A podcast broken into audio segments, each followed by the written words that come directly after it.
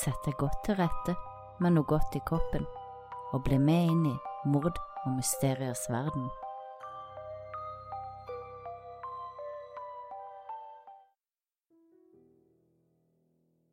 Michelle Dierich var 20 år gammel i 1988.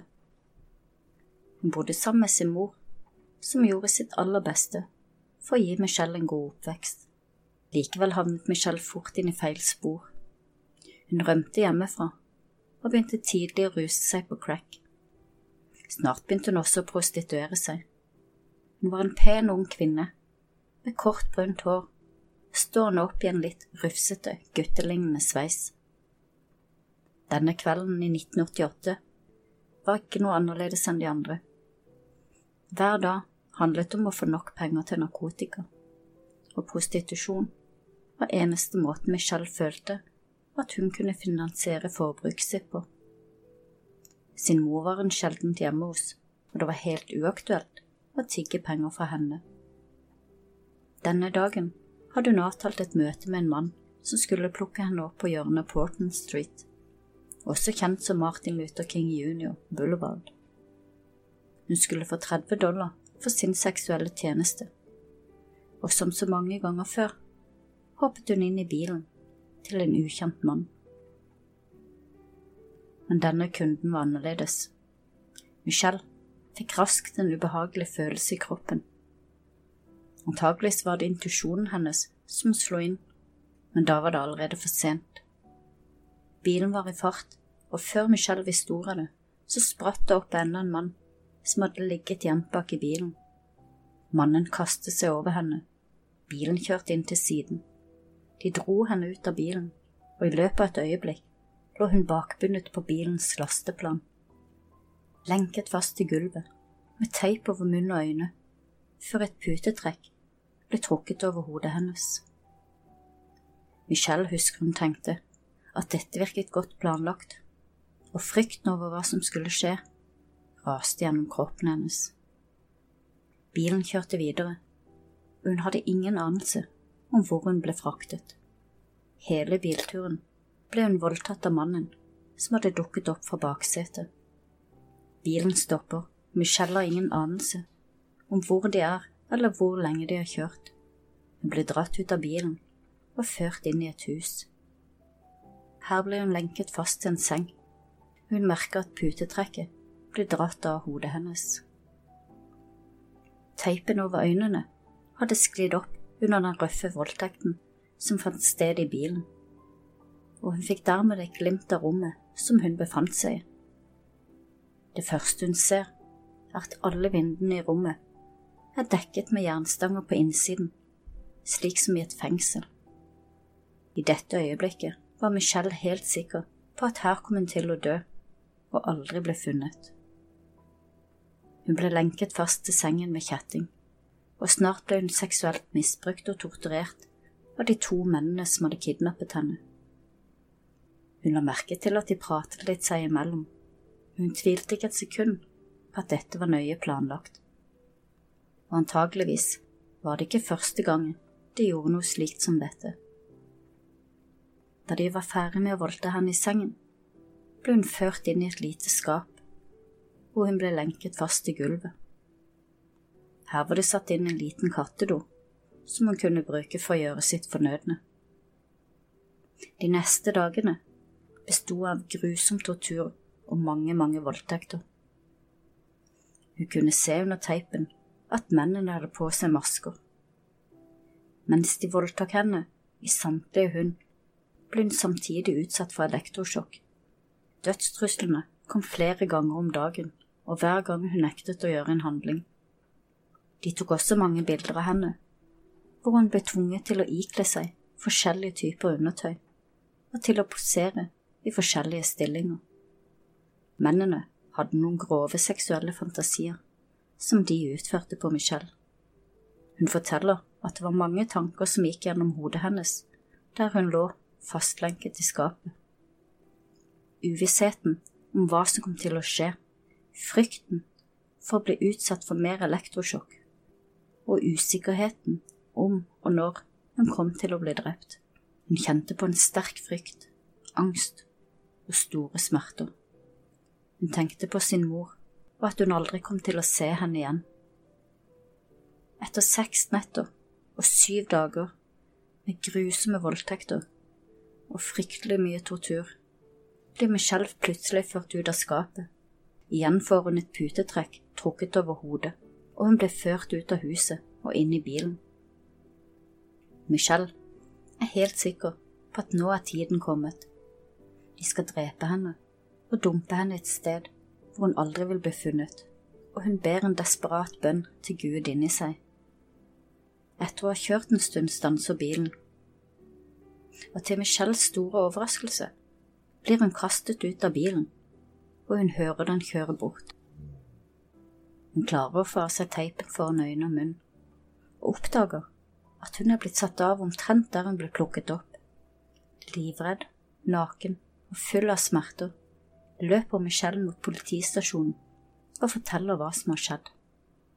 Men siden hun har vært bundet for øynene mesteparten av tiden, og kun klarte å se litt ut under teipen foran øynene, så var det ikke så mye informasjon som hun kunne komme med som var til hjelp for politiet. Ikke hadde noen anelse om hvor hun hadde blitt holdt fanget, og da hun i tillegg fortalte politiet at hun var prostituert og brukte narkotika, fikk hun inntrykk av at de sluttet å ta saken seriøst. Politiet hadde lite å gå etter, og saken ble raskt lagt i skuffen, men en av politimennene, Henry Jackson, klarte ikke helt å glemme kvinnen som hadde fortalt sin grusomme historie. Etter denne hendelsen la Michelle om hele livet sitt. Hun dro rett hjem til sin mor, sluttet brått med narkotika og gjorde sitt aller beste for å få livet på rett kjøl. Aldri mer skulle hun sette seg inn i en bil med fremmede, og noen av tingene hun ble utsatt for, bestemte hun seg for aldri fortelle om fordi de var så grusomme og så grove. Hun sluttet å gå ut alene om kvelden, og levde i konstant frykt for at gjerningsmennene skulle finne henne og kidnappe henne på nytt. Men så, to år etter Michelles kidnapping, i 1990 får politiet inn to nye saker, hvor begge beskriver hvordan de ble kidnappet av to menn, tatt med til et hus hvor de ble utsatt for grov vold og voldtekt. Begge beskrev at vinduene inne i huset var dekket med jernstenger. Men en av disse jentene hadde utrolig nok klart å rømme fra mennene ved å knuse et vindu i et av de andre rommene. Hun løp blodig naken og skrikende nedover gata. Heldigvis så en nabo henne, tok henne inn og ringte til politiet. Jenta var den 16 år gamle Andrea Hoods, og huset hun hadde rømt fra, tilhørte brødrene Paul Jackson og Vance Roberts. De hadde forskjellige fedre, men delte samme mor og de samme sadistiske lystene. Brødrene hevdet til politiet at de kun hadde forsøkt å hjelpe Andrea siden hun var hjemløs. De hadde tatt henne inn, og plutselig hadde hun ifølge brødrene blitt aggressiv, forsøkt å stjele pengene deres, før hun hadde knust et vindu og løpt ut. Politiet får raskt tak i en ransakingsordre, og de tar seg inn i huset til Paul og Vance. Det første de ser, er vinduene som er dekket av jernstenger akkurat slik jentene hadde beskrevet. På kjøleskapet henger det et polaroidbilde av den 16 år gamle Andrea, som nettopp hadde klart å rømme. Hun var iført kun en truse og var bundet med hendene på ryggen. Politiet fant også håndjern og flere bøker og magasiner med grafisk innhold som handlet om voldtekt og bondage. De fant også Andreas sin T-skjorte i et av rommene som også viste seg å være et lydtett rom. Det hang kjettinger fra taket, og i tillegg fant politiet en eske som inneholdt flere bilder av ukjente unge kvinner. Alle var fastbundet og iført kun en truse. Andrea Hoods fortalte politiet at hun var blitt kidnappet, bundet, blindet, voldtatt og utsatt for tortur, inkludert elektrosjokk under voldtektene. Hun fortalte at brødrene hadde kalt hverandre Bill. Hun hadde også blitt tvunget til å si jeg elsker deg til brødrene etter hver gang de hadde voldtatt henne. Videre fortalte hun at de hadde tvunget henne til å lese boken Hvordan være en snill pike. Og selv om hun bare var 16 år, var Andrea en smart pike og benyttet muligheten til egen fordel. Hun tenkte at hvis hun gikk villig med på å lese boken, så ville de løsne den ene hånden hennes, slik at hun kunne bla i boken og det gikk akkurat slik hun håpet. Hun latet som hun leste i boken, men hver gang hun var alene i rommet, jobbet hun desperat med å få løst den andre hånden sin, noe hun til slutt klarte. Hun fikk knyttet opp tauet rundt benet sitt og løp mot et rom, i håp om å komme seg ut. Mens hun full av frykt løper, så fort hun kan, mot et av de andre rommene, så hører hun mennene rope til hverandre. Stans henne! Heldigvis for Andrea kommer hun seg inn i rommet, som har et vindu uten jernstenger, og hun løper rett gjennom vinduet. Hun ble full av kuttskader, men adrenalinet er så høyt på dette tidspunktet at hun kjenner ingen smerter. Lettelsen når naboen tar henne inn, den er ubeskrivelig. Det viste seg at den ene broren Vens hadde løpt etter andre ut av vinduet, og da politiet ankom, var også han full av kuttskader. Begge brødrene ble arrestert, og politiet mistenkte umiddelbart at de hadde med seriekriminelle å gjøre, da de fant alle bildene av de unge jentene. Bildene viste jenter som hang fra taket, lå bundet fast til sengen, og uttrykkene vitnet om at de ikke var frivillig med på dette. Politiet startet det møysommelige arbeidet med å forsøke å identifisere de unge jentene på bildene. De hadde ingen anelse om kvinnen ennå var i live. Bildene blir sendt rundt til de forskjellige politistasjonene i nærområdet. En av de som mottar bildene, er etterforsker Henry Jackson. Han blar seg gjennom bunken, og plutselig ser han et kjent ansikt. Kvinnen på bildet er Michelle Dierich. Mens politiet bygger saken mot brødrene, og prøver å identifisere jentene på bildene, blir brødrene plutselig sluppet fri da moren deres kausjonerer dem ut fra fengselet. Paul og Vance benytter muligheten og legger ut på rømmen. Politiet har ingen anelse om hvor de har tatt veien. Michelle er redd, sint og opprørt for at brødrene har klart å rømme. Tanken på at de går fri og kan skade andre, og redselen for at de skal oppsøke henne, river gjennom kroppen. Michelle, som har snudd om hele livet sitt etter hendelsen, bestemmer seg der og da for ikke gi opp jakten og håpet om å finne brødrene, slik at de kan få sin straff. Men brødrene er som sunket i jorden. På tross av etterlysninger og Michelle sitt arbeid kom det aldri inn noen tips som ga resultater. Etter noen år ga Michelle opp jakten på brødrene og forsøkte å legge hendelsen bak seg.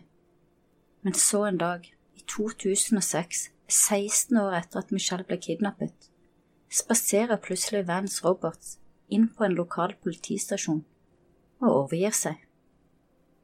Han hevder at han ikke vet hvor sin lillebror Paul Jackson befinner seg, og sier de ikke har hatt kontakt med hverandre siden 1991. Vance hevder at han har bodd under broer og som hjemløs i de siste 15 årene.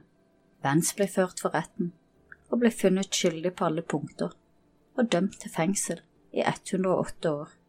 Samme året treffer Michelle Mark Williams, som hun senere giftet seg med.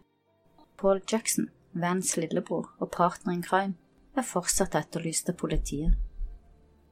Det politiet ikke vet, er at Paul har bosatt seg i Mexico her har han giftet seg og fått to barn. Han var i arbeid, og familien bodde og så ut som en typisk amerikansk middelklassefamilie. Hans kone og to døtre hadde ingen anelse om Pauls grusomme fortid eller hans ekte identitet. Han levde nå under navnet Paul Bennett Hamilton, men fortiden skulle innhente Paul. I 2015, ni år etter at storebroren Vance hadde overgitt seg til politiet, fikk politiet endelig tips om Paul etter at brødrene hadde blitt omtalt i CNN-programmet The Hunt. Denne gangen var tipset en fulltreffer, og Paul Jackson ble endelig funnet og arrestert etter 25 år på rømmen. I starten nektet han for å være Paul Jackson, men etter å ha tatt fingeravtrykk ble han identifisert. Michelle kommer hjem fra arbeid samme dagen, og hennes mann Mark forteller henne at politiet har ringt og vil snakke med henne. Hun kjenner blodet fryse til is, og ringer straks tilbake til dem. De forteller at de endelig har arrestert Paul Jackson. Selv om hun umiddelbart føler seg lettet over at begge brødrene nå er bak lås og slå, får hun likevel panikk. Hun forteller politiet at hun ikke vil vitne eller prate om det som skjedde, at hun ikke ønsker å være en del av saken. Michelle sin mor hadde gått bort bare noen måneder tidligere, og det hele ble for mye for henne å takle. For første gang forteller hun også sin ektemann Mark om hva som skjedde den grufulle dagen i 1988 etter 13 års ekteskap.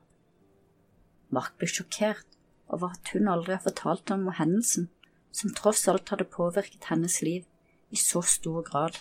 Med ett forsto han hvorfor Michelle var besatt av jobben sin og lett arbeidet over 80 timer i uken, og hvorfor hun hadde erstattet nesten alle dørene i hjemmet deres med gardiner. Mark reagerte med sinne, ikke overfor Michelle, men for det som hadde skjedd, og han endte opp med å gå i terapi for å få bearbeidet alle inntrykkene og få bukt med raseriet som stadig jaget gjennom ham. Paul Jackson ble stilt for retten. Her forsøker han å skyve all skylden over på sin storebror Vance, som han fremstiller som en sosiopat som mer eller mindre hadde tvunget ham til å kidnappe og torturere unge jenter og kvinner. Han forteller at Vance satte han av på et busstopp etter at moren kausjonerte dem ut i 1991, og at han ikke hadde sett storebror Vance siden den dagen. Paul hevdet også at det kun var Michelle og Andrea som han hadde vært med på å kidnappe. Tredje gangen politiet tok kontakt med Michelle, hadde hun fått tid til å roe seg ned og bearbeidet det hele, og takket nå ja til å vitne mot Paul. Kamplysten mot å få dem straffet var sterkere enn noen gang. Hun sitter i vitneboksen og ser rett på Pål, mens hun med tydelig og klar stemme forteller retten at Pål ikke var noe mindre skyldig enn sin bror Vance, og at han måtte holdes like ansvarlig. Hun fortalte at det var Pål som hadde arrangert å treffe henne den fatale kvelden i 1988, og at han villig deltok i torturen og voldtekten av henne. Etter vitnemålet til M, og etter at alle bevis var lagt fram, sier Paul, som nå er blitt 46 år gammel, seg skyldig i tiltalen. Han håper å få en mildere straff og innrømme skyld. Paul ble funnet skyldig i flere tilfeller av kidnapping, sodomi, voldtekt, seksuelt misbruk og ulovlig seksuell penetrering. Han ble dømt til 18 år i fengsel, mye fordi han innrømmet skyld, og fordi han hadde levd lovlydig og stiftet familie etter at han la på rømmen i 1991. Selv om Paul og Vens endelig er bak lås og slå, jobber politiet fremdeles ved å prøve å identifisere de unge jentene som de fant bilder av i huset. Det er usikkert om alle jentene ble sluppet fri, eller om noen av dem døde under brødrenes brutale behandling. Det mistenkes også at alle jentene de plukket opp, var prostituerte med rusproblemer, og at mange av dem ikke anmeldte hendelsen av frykt og skam for sin fortid. Flere av bildene var så brutale at politiet ikke kan vise dem offentlig, men en portrettegner har tegnet ansiktene til flere av ofrene i håp om at noen skal gjenkjenne dem. Ingen vet nøyaktig hvor mange unge jenter de sadistiske brødrene kidnappet voldtok og torturerte, frem til de ble arrestert første gangen i 1990. Politiet kan heller ikke være sikker på at ingen av dem ble drept. Men de er glade for endelig har brødrene der de hører hjemme. Trygt plassert bak tunge jerndører i fengselet, hvor de aldri kan skade noen igjen.